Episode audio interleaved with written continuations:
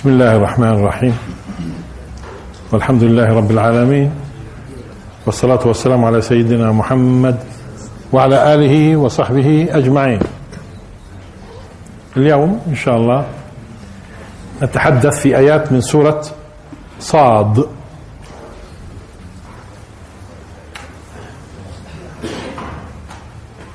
آيات من سورة صاد. الآية 30 نستمر إن شاء الله 31 إلى آخره. أعوذ بالله من الشيطان الرجيم. بسم الله الرحمن الرحيم.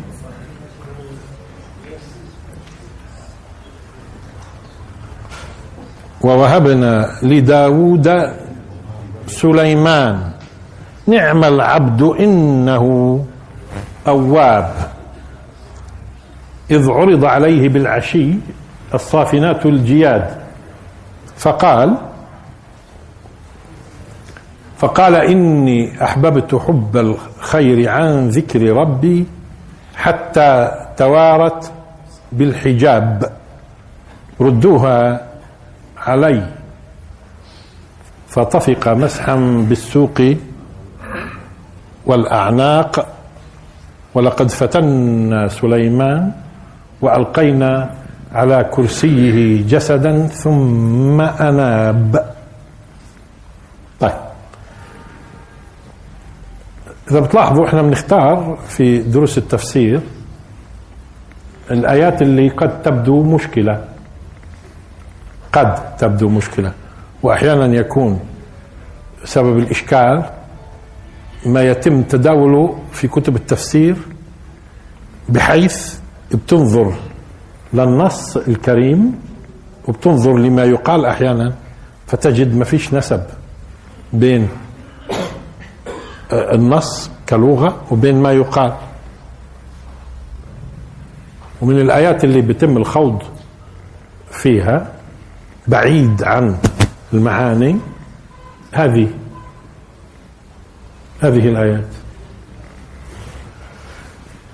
ووهبنا لداود سليمان وإحنا قلنا إنه عصر داود عليه السلام وعصر سليمان هذه من عصور الزاهرة اللي, اللي, اللي الناس كانت مؤمنة وقيادتها مؤمنة ومش بس مؤمنة وقيادتها نبوة مش بس نبوة ومعان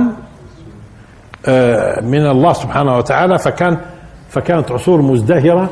إذا قلنا أنه التاريخ البشري مش كل الأمم كانت مكذبة. لا القرآن روى لنا قصص كثير من الأمم المكذبة. وهي هنا صور مشرقة إيمانية مشرقة على مستوى الشعب والقيادة. ولذلك لحد الآن الناس لما بذكروا عصر سليمان عليه السلام بذكروه إنه أوج المدنية واوج الحضارة إلى درجة إنه حتى صار صاروا ينسبوا لعصر سليمان أمور ما كانتش. واللي ببلبل كثير الناس التوراة أو ما يسمى بالعهد القديم ليش بقول العهد القديم؟ لأنه قلنا سبق قلنا أنه العهد التوراة. قصة سليمان وداود عليه عليهما السلام تأتي في أسفار العهد القديم مش التوراة مش أول خمسة فيما بعد. في أسفار إشي بسموه؟ سفر الملوك الأول والثاني وأخبار الأيام الأول والثاني وسفر صموئيل إلى آخره. مش قضية. هون في تشويش على الصورة الجميلة. بتجدوا في العهد القديم في تشويش على الصورة الجميلة إلى درجة أنهم يزعموا أنه, إنه سليمان عليه السلام عبد الأوثان إرضاء لزوجاته الوثنيات وخالف عهده مع الرب ولم يكن بارا كأبيه والعياذ بالله أشياء زي هيك. وكأنهم يعني لما كتبوا هذه الأمور كانوا ناقمين على سليمان وداود وسبق تحدثنا آه ليش ممكن؟ مش موضوعنا اليوم. الآن الصورة هون مختلفة. الصورة في القرآن مختلفة. صورة مشرقة. ووهبنا لداود إذا في كلام سابق يبدو عن داود مش هيك ووهبنا لداود سليمان. نعم العبد. إذا هنا في مدح. إيش يعني في مدح؟ بمعنى إنه معناته الآيات اللي جاي عندنا والسياق لازم نفهمه على هذا على ضوء هذا الكلام. إنه الآن بده يعطينا صوره عن قدوة. ما بيجوز نروح في الآيات إلا بهذا الاتجاه إنه طالما بدأها نعم العبد إنه أواب معناته يفترض كل شيء جاي إيش؟ يكون في هذا الإطار إطار المدح. عكس ما أحيانا تذهب إلى بعض آه، أهل التفسير. طيب. نعم العبد وهذا الكلام قيل على فكرة. أيضا في داوود في أيوب عليه السلام. هو وصف أواب نلاحظ في القرآن الكريم للأنبياء فقط ورد في في حق داوود وسليمان وأيوب. داوود وسليمان وأيوب غيرهم لا من البشر يعني. أواب الوصف هذا أواب. واللافت في موضوع أيوب عليه السلام إنه ذكر في القرآن أربع مرات اسم أيوب. اربعه آه الأربع مرات في مرتين لما بتذكر قصته أيوب آه بعد سليمان مباشرة. بعد سليمان. في الآية الثالثة بيكون الله سبحانه وتعالى يذكر أسماء أنبياء. يأتي اسم أيوب بعد سليمان في السرد. في الآية الرابعة لأنه قلنا ورد أربع مرات. يرد اسم أيوب في الآية اللي فيها اسم سليمان. يعني اللافت اذا إنه ينتهي القرآن مرتين بقصة سليمان وعلى طول بيجي إيش؟ أيوب مرتين. طب ما هو مذكور أربع مرات. قلنا في آية ثانية بكون فيها سرد أسماء الأنبياء. يأتي اسم أيوب وين؟ بعد سليمان هي ثلاث. طب والآية الرابعة شذت عن القاعدة؟ لا موجود اسم أيوب وسليمان في آية واحدة. فعلى ما يبدو أنه سليمان عليه السلام على ما يبدو أنه تعرض لفتنة من هذا القبيل اللي تعرض لها أيوب. يعني أصيب في جسده. أصيب في جسده. مثل ما أصيب أيوب وعانى أيوب ثم الله سبحانه وتعالى آه، يعني آه، شفاه آه، هذا ممكن يتضح معنا في الآيات أنه ممكن يكون سليمان حصل معه لأنه ما معنى يعني التلازم هذا بين أيوب وسليمان اللي بنجده في القرآن؟ وأيوب بذكركم بالصبر. الصبر. معناته سليمان أيضا كان صابر. الصبر الصبر على فكرة ممكن يكون لأنه صابر أحيانا يكون المكافأة المكافأة تكون كبيرة على قدر إيش؟ المصابرة. المكافأة تكون كبيرة على قدر المصابرة. إذا ووهبنا لداود سليمان نعم العبد إنه أواب. ونذكركم بأواب شوية. نذكركم بأواب شوية. ما لها علاقة أواب بموضوع الذنوب؟ إنه قال بيذنب وبيرجع إلى الله. لا مش هيك. معناته هذا الأواب كثير الذنوب. لو كان الأواب له علاقة بالذنوب معناته هذا كثير بيذنب وكثير بيرجع. كثير بيذنب وكثير بيرجع. لا وإنما إذا بتذكروا قلنا إنه الأواب هو الذي يضع نفسه في طريق الله يسلك في طريق الله وكلما غفل عفوا هذا اللي أناب إحنا قلنا أناب بدينا نخربش بين أناب وأواب. الأواب اللي دائما مرجعيته الله والشريعة. دائما مرجعيته الله والشريعة. هذا الأواب. بحيث لما تقول له هكذا يقول الدين؟ بقول لك خلاص هكذا يقول الدين. هذا أواب. هذا الحكم الشرعي؟ نزلنا عند الحكم الشرعي. هذا الأواب. تذكروا هذا الكلام فصلنا فيه. في درس سابق إيش معنى أواب وإيش معنى أناب؟ والمنيب الفرق بين منيب وأواب. هون هون في البداية آه نعم العبد إنه أواب. إيش يعني أواب؟ مرجعيته الله دائما مرجعيته الشرع. هذا الأواب. يرجع. اذا هو رجوع مش عن الذنب الأواب. مش معناته اللي بيرجعش عن اللي بيرجع عن الذنب مش أواب. لا. بس مش معنى أواب يعني رجع عن الذنوب. اللي بيرجع لله دايما. واللي بيرجع لحكمه دايما. هذا الأواب.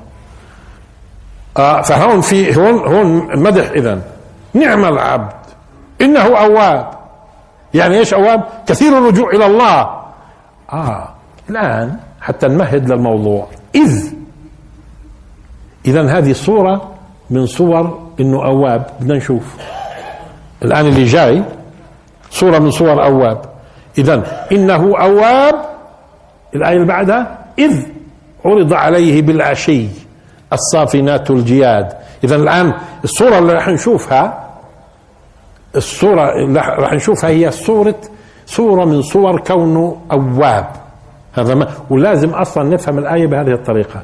إنه الآن إذ عرض عليه هي تفصيل مثال الآن على إنه أواب. اللي فهمناها إنه أواب إيش معناها؟ إذ عرض عليه بالعشي. إذا عرض إيش عليه؟ الصافنات الجياد. الآن العشي بعضهم قال العشي يعني ما بعد الظهر وبعضهم قال لا ما بعد العصر. بنسميه عشي.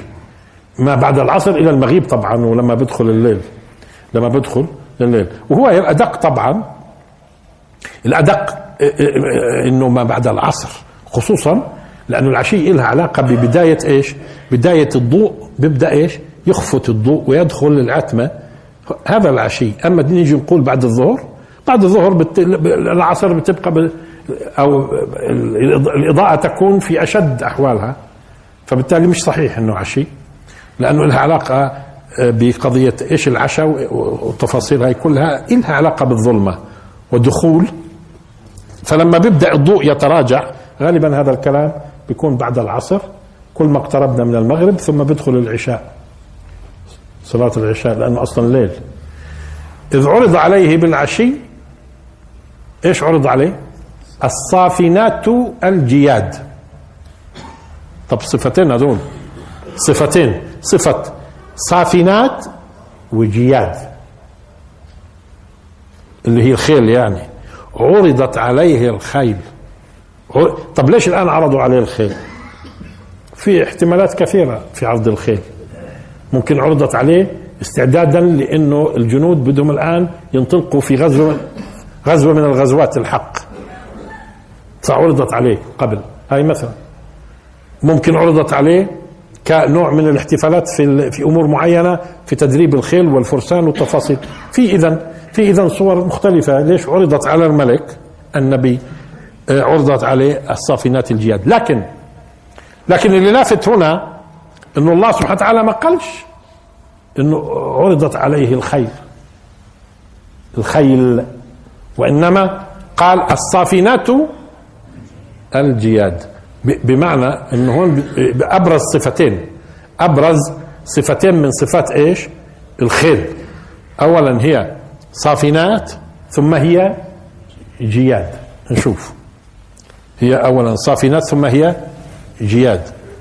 الصافنة إيه، الخيل على فكرة يمكن أن تبقى لسنين طويلة إيه، بتنام وهي واقفة. يعني أحيانا على فكرة الخيل ممكن يرتاح عبر إيش؟ لكن أكثر وقت الخيل إيش بكون؟ واقف. تصوروا هذا القانون اللي الله خلقه في الخيل هو بيكون واقف ونايم. بينام وهو واقف بيرتاح وهو واقف. بس كيف بيكون واقف إذا بتلاحظوا؟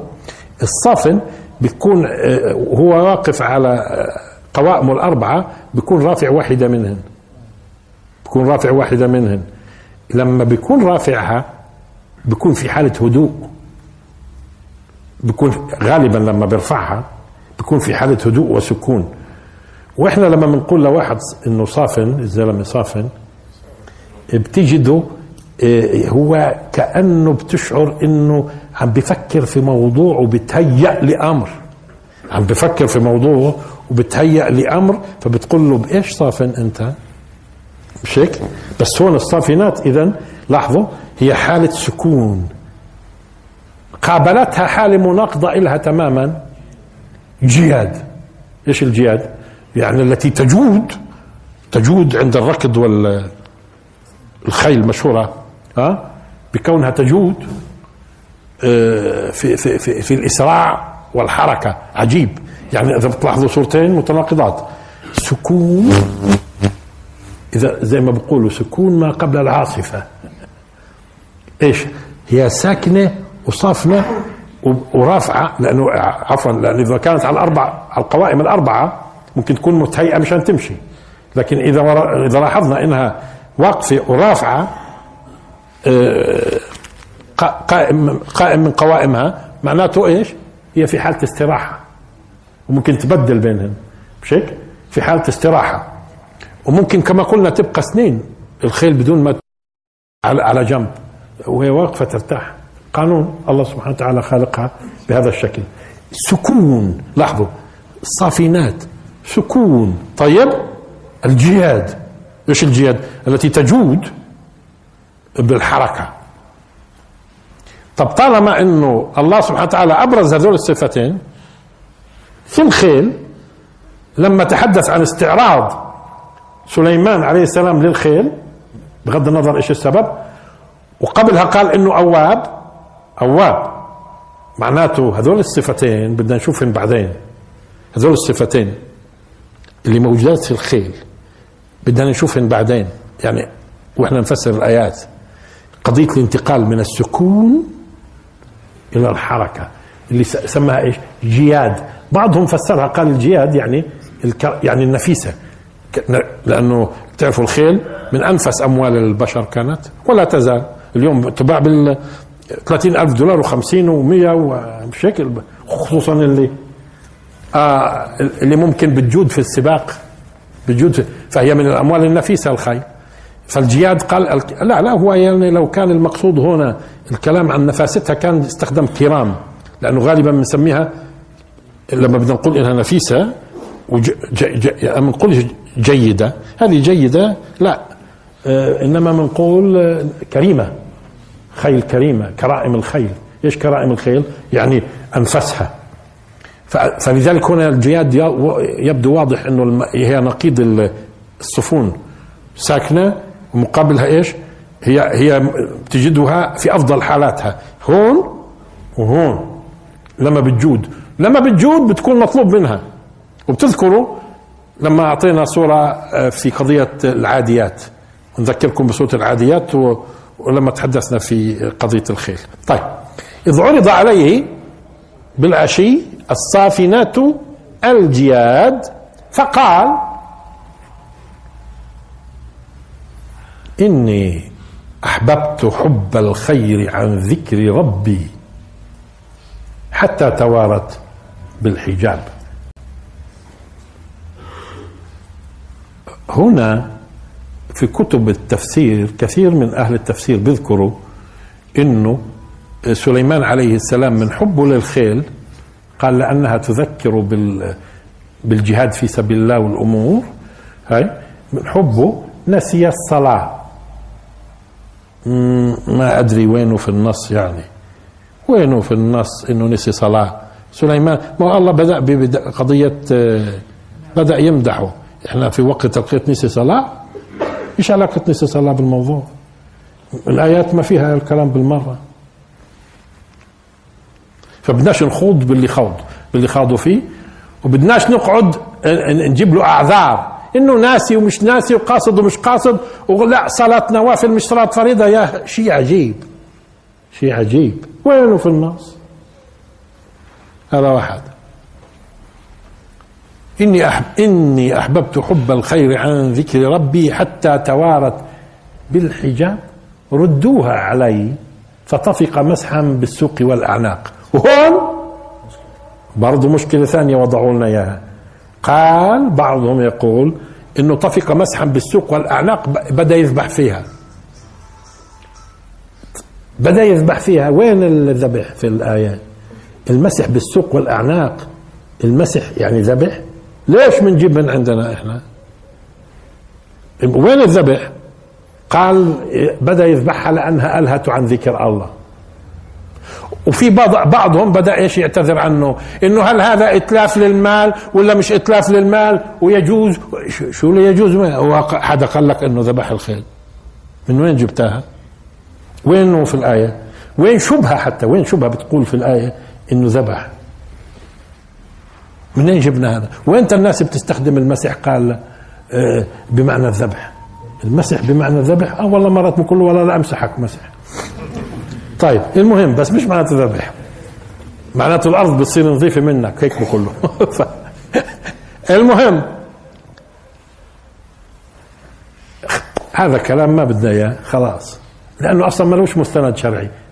لا من قرآن ولا من سنة. إذا من وين؟ طيب. إذا نرجع للنص. فقال إني أحببت حب الخير لأن الحب حبين في حب خير وفي حب شر. والناس اليوم هيك لما بيحبوا بيحبوا إما حب خير أو حب شر. تجد بعض الناس بيحب السلطة لأنه شايف إنه بتساعد على إقامة دين الله في الأرض والعدل هذا حب خير.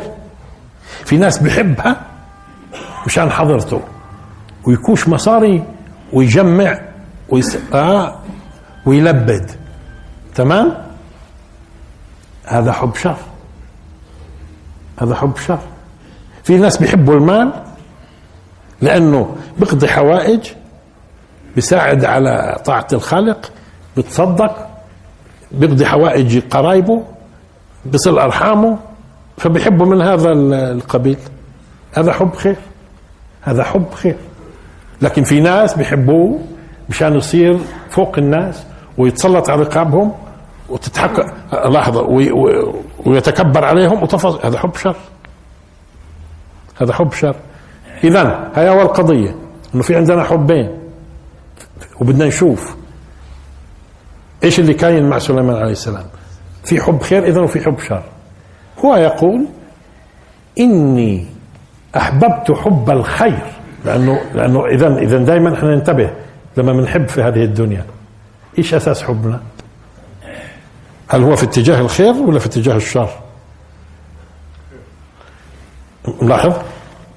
وكل ما كان في تقوى أكثر كل ما كانت المحبة في داخلك هي دائما في اتجاه الخير. ولما بيبدأ إنسان يكون فاسق ومنحرف بصير شاء أم أبى في أشياء كثير بيحبها في اتجاه الشر. تجاه الشر. لذلك إحنا مرات مرات بنستغرب نستغرب بعض الناس. عجيب. هذا نقصه مال هذا نقصه جاه هذا نقصه كذا. إيش ليش هيك هو؟ ليش؟ آه ما تقدرش تعرف أنت لأنه المس... المسألة أصلا بناء نفسي. كيف انبنى هذا الإنسان؟ الإنسان مرات بيرتقي ممكن يوصل فوق الملائكة ويتدلى فيكون دون الحيوانات. كالأنعام بل هم أضل. اذا النفس البشرية ممكن يرتقي فيها الإنسان أو يدنسها. قد أفلح. لا لا هنا إحنا سبق قلنا بأنه مش صحيح إطلاقا أنه كلمة الخير في القرآن بتعني المال. تحدثنا فيها سابقا وأعطينا عليها الأدلة. الخير الخير. طب هل المال خير؟ مرات المال خير مرات شر. مش هيك؟ لصاحبه وانت يكون خير وانت يكون شر. وانت يكون المحبة له خير وانت تكون المحبة له شر. شو القصد وشو الأهداف. إني أحببت حب الخير عن ذكر ربي. الآن بنوضح أكثر شوي بعد ما نعطي الأمثلة التالية. إحنا بنقول فلان يتكلم عن علم. إيش يعني عن علم؟ إذا العلم مقدمة وكلامه نتيجة. إذا هو يصدر عن علم في كلامه. اذا الأساس إيش؟ العلم. طب لما تقول أحب فلان عن قرابه إيش يعني بتحبوه عن قرابه لأنه بقرب لنا بكره فلان عن تجربة. إيش إيش سبب كراهيتك؟ تجربة السابقة. مين المقدمة؟ التجربة. مين النتيجة؟ إنه كرهته. بكره فلان عن تجربة. بدي أركز على عن. انتبهتوا إيش المقصود هون؟ عن. اللي هي سبب هون بتكون. بتكون سبب. اذا أنت تحبه عن قرابة. تحبه عن معرفة. تحبه لأنك بتعرف إنه كويس. فأنت أحببته عن معرفة. أو كرهته عن معرفة. مش هيك؟ عن. هون هون بدي أتوقف شوية مشان نفهم إيش كلام سليمان عليه السلام إن شاء الله. وشو علاقتها بأواب؟ أواب. الناس اليوم وهي عايشة في هاي الدنيا في ناس كل ما شاف مظهر من مظاهر خلق الله يتفاعل ويذكر الله. إيش يذكره ما هو الذكر ذكرين. قد تكون بلاش أقول ذكرين احصرها الآن. قد يكون ذكر في القلب فأنت تتذكر الخالق هذا ذكر. وعلى فكرة العلماء قدموا ذكر القلب للخالق على ذكر اللسان لأنه مرات اللسان يكون بدون بدون تفاعل قلبي. أحيانا بيكون ذكر اللسان عم بيسبح ولا عم بيسبح وذهنه في محل ثاني. بس يقول سبحان الله بدون ما يفكر بمعانيها ولا شيء. مش هيك؟ وأحيانا يتفكر تصوروا اللي مثل سليمان عليه السلام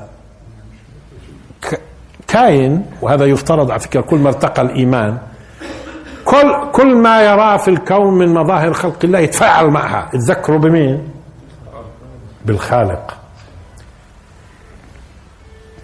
عظمة عظمة الله الآن في بشو إنسان بيرى الزهرة هي جميلة الزهرة مش هيك؟ طيب ممتاز. بس في ناس بيرى فيها إيش؟ صنع الخالق. سبحان الله. وتفاعل من الداخل. يذكر بالخالق. مغيب الشمس. سبحان الله. مولود جديد. سبحان الله. سبحان الله. تجد الكون كله كتاب بقرأ فيه. وين ما وقعت وين ما وقع نظره؟ يذكر الله. شو يعني يذكر؟ اولا يتذكر. انسوا موضوع إنه بده يتكلم الآن. يذكر الخالق. يرى الخالق في كل صغيرة وكبيرة. إذا وصل الإنسان لهذه الدرجة صار كل شيء بيرجع للخالق هذا من ضمن أبواب كمان. مش بس هو بيرجع للخالق كل شيء بيرجع للخالق حتى الإحياء والإماتة وانهيار الدول وقيامها وتفاصيل كله هو يكون يلاحظ كيف يتصرف الله في عباده وفي خلقه وكيف يسير التاريخ. فتجده يعتبر ويرى الله في كل صغيرة وكبيرة.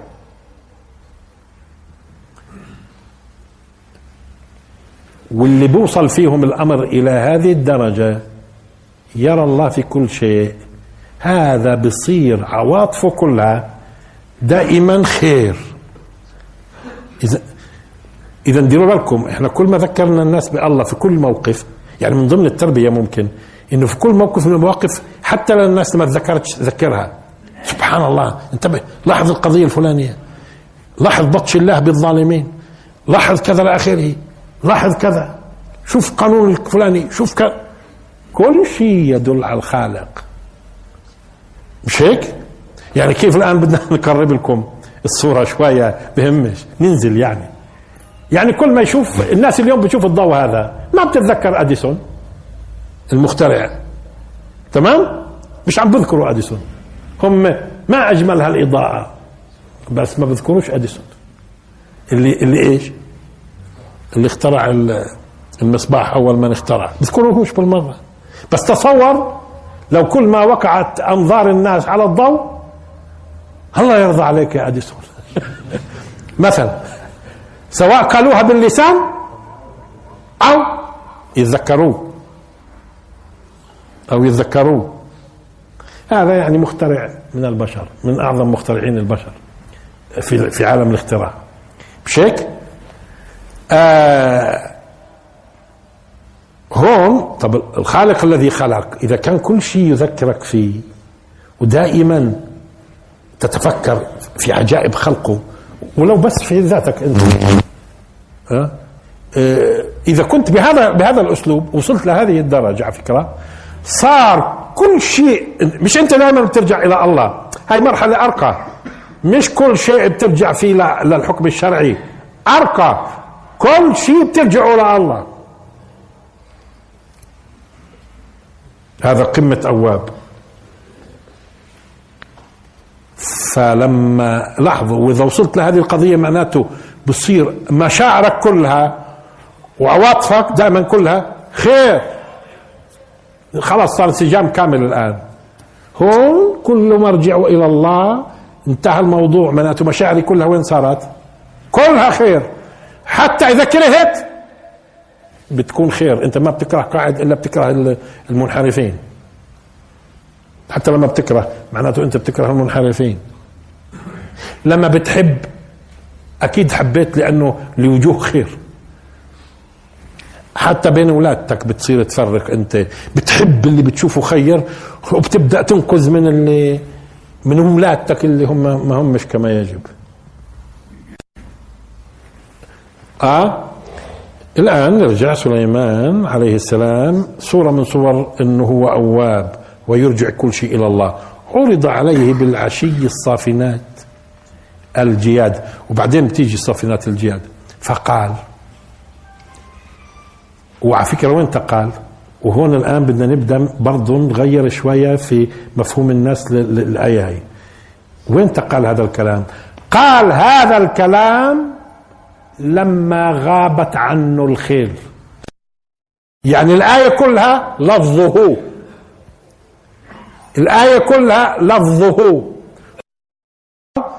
إني أحببت حب الخير عن ذكر ربي حتى توارت بالحجاب. ردوها علي. هذا كله كلامه. فيش فصل. في أحيانا في التفسير إنه عم نفصل. بنعتقد إنه هو قال. إني أحببت من حبي آه، الخير عن حبي رب آه، ذكر ربي وإنه قول حتى توارت بالحجاب هو قول الله سبحانه وتعالى بخبرنا وبالتالي بتصير الآية مش مفهومة بالمرة. بتصير الآية مش مفهومة بالمرة. لا هذا كله كلام سليمان. شو قال سليمان؟ قال قال بهذا الشكل إني أحببت حب الخير عن ذكر ربي حتى توارت بالحجاب. ردوها علي. كل كلام متصل. كل كلام متصل. المعنى. لاحظوا. لما شاف الخيل أمامه هو هو أواب. هو مش بس بيرجع لله كل شيء بيرجعه لله وأنتم بتشوفوا الخيل قديش جميلة واستعراضاتها خصوصا وإذا بتذكر في الجهاد وهالتفاصيل هاي ثم هو الأواب اللي بيلحظ كل صغيره وكبيرة. فالخيل وهي تستعرض لاحظوا الخيل اللي هي تستعرض تستعرض حتى غابت. شو كان مملوء هو؟ شو كان مملوء؟ حب الخير. من وين له هذا؟ لأن هذه كله بتذكره بربه كمان مرة. وهي تستعرض الخيل أمامه. شوفوا كيف هو أواب الآن. قمة. وهو تستعرض الخيل أمامه حتى غابت. شو كان مملوء؟ شو كان مملوء؟ حب خير. نتيجة إيش هذا من اين اجى هذا؟ شو سببه هذا؟ حب الخير. عن ذكر ربي. مين اللي ذكره بالرب شوف النظر. لا يكون هو بحب هذه هذه المناظر. لأنه طاغية. طغاة. لما يستعرض الدبابات اليوم بداش الخيل. الدبابات وجيوشهم. شو بيكونوا مملوئين؟ شر. لأنه هذا شو بحب هذا لإيش؟ لأنه بتذكروا قديش هو ماكن في في الكرسي وإنه قديش بقدر يبطش ومن قدي ومن أيوه حب شر. لا سليمان حب خير. امتلأ حب خير. ناتج عن إيش؟ لأنها هذه الخيل هي أصلا مش بتذكره هي ذكر ربه. يعني مش بتذكره برضه. هي ذكر ربه إذا الذكر على فكرة التذكير. كيف لما قال مثلا في قصة يوسف عليه السلام فأنساه الشيطان ذكر ربه؟ مش قال اذكرني عند ربك؟ فأنساه الشيطان ذكر. يعني تذكير ربه يقول له إنه في واحد موجود آه. فهذه ذكر. الذكر على فكرة كل ما يذكرك بالله ذكر. كل ما يذكرك بالله ذكر. ذكر لذلك القرآن ذكر. لأنه فيه فيه تذكير كذا وكذا تفاصيل. فهون لاحظوا الآية إذا إذا هو يعبر عن امتلاء عما حصل معه عندما غابت عن عينه. لأن يبدو أنه استعرضت ثم إيش؟ غابت. ليش قال غاب؟ آه، آه، حتى توارت في الحجاب؟ هكذا نيجي إن شاء الله. إيش توارت في الحجاب؟ بعد ما توارت في الحجاب عبر عن إيش اللي حصل عنده وهي بتمر بتمر. إنه إيش يعني اللي حصل معها؟ امتلأ بالمحبة الخير الناتجة عن تذكر مين؟ ربه. لأنه هو أصلا يرى ربه وين؟ في كل صغيرة وكبيرة. تصور لما يكون استعراض لهذه الخيول الجميلة اللي خالقها الله سبحانه وتعالى أيضا وسيلة من أهم وسائل كانت الجهاد. اذا إذ عرض عليه في العشي إذ عرض عليه بالعشي بالعشي. الصافنات الجياد فقال بعد ما توارت بالحجاب قال هذا الكلام قال إني يعني بده يعبر شو اللي حصل عنده. إني أحببت حب الخير عن الناتج عن يعني عن ذكر. لما ذكرته بربه. حتى توارت بالحجاب لأنه بمجرد ما تتوارى شو بصير؟ لأنه التفاعل وين وين بكون؟ التفاعل وين بكون؟ طالما هي إيش؟ لذلك لما هو بقول حتى توارت ردوها علي. لأنها ملأة إيش؟ ملأة حب خير. شوفوا المشاعر اللي كانت في داخله إيش حب الخير وشو كان يفكر لما شافها. ولما غابت عنه شيء طبيعي على فكرة لما يغيب عنك الشيء اللي أنت تفاعلت معاه خلاص ما بتعودش تتفاعل. بصير ذكرى بصير تتخيل. أما الآن لما يكون أمامك. إني أحببت حب الخير عن ذكر ربي. نتيجة تذكير لأن إذا أحببتها هاي. امتلأ امتلأت أنا حب خير ذكرتني بربي حتى توارت بالحجاب. ردوها. ليش ردوها؟ ألقيت ردوها علي. هذا من معنى أواب على فكرة. إيش يعني أواب؟ أرجع كل شيء لله. الخيل الخيل هاي على طول. وهذا الإنسان ذكي القلب هذا على طول يرى الله. ما ممكن يغيب الله أصلا عن ذهنه. طالما بيرى خلق الله سبحانه وتعالى وبيعتبر العبر الموجودة. ردوها علي. لأنها ملأته إيش؟ حب خير وذكرته بربه. ملأته حب خير وذكرته بربه. إني أحببت حب الخير. عن ذكر ربي حتى توارت بالحي. إذا مين سبب؟ مين السبب؟ هي الخيل. حتى توارت. إذا مين اللي ذكروا بربه الخيل. حتى توارت بالحجاب. وردوها.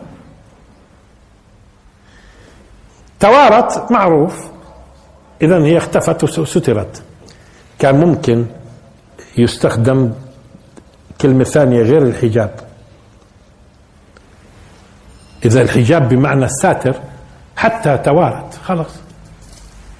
حتى توارت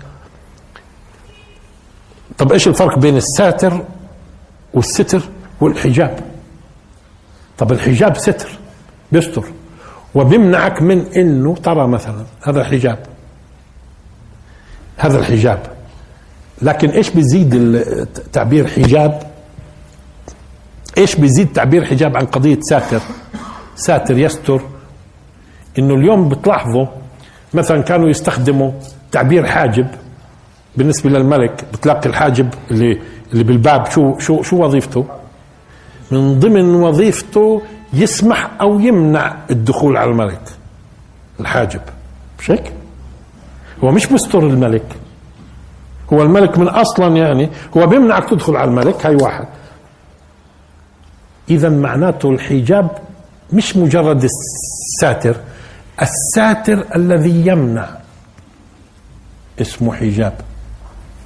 كمان مرة. إذا بده يتوفر فيه إيش؟ إنه هو بستر وبمنع. وبمنع. فذاك بيجي التعبير إيش؟ حجاب. إذا هي لما سترت إذا هي لما سترت بساتر ما.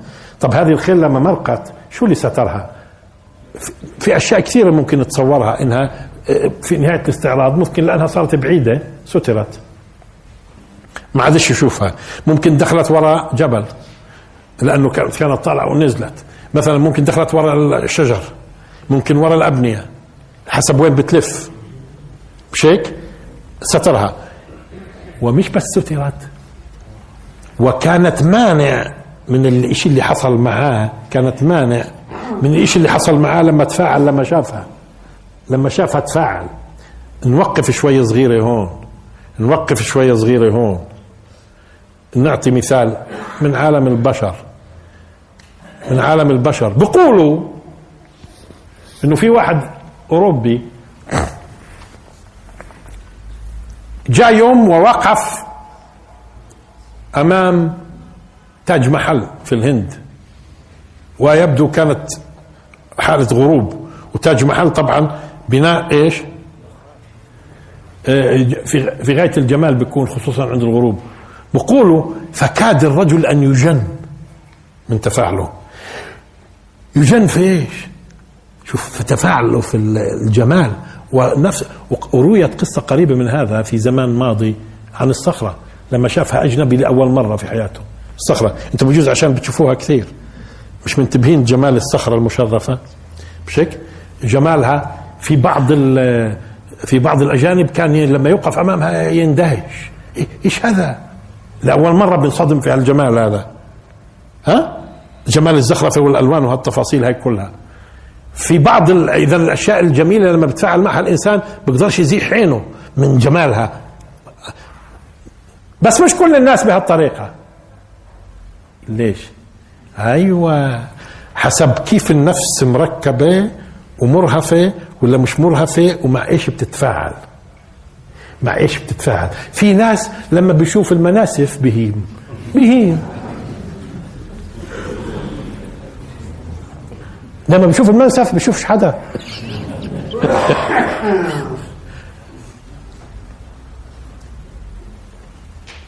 لكن هذاك اللي اللي كان يفكر ومغطس حاله شو اسمه ارخميدس مش هيك؟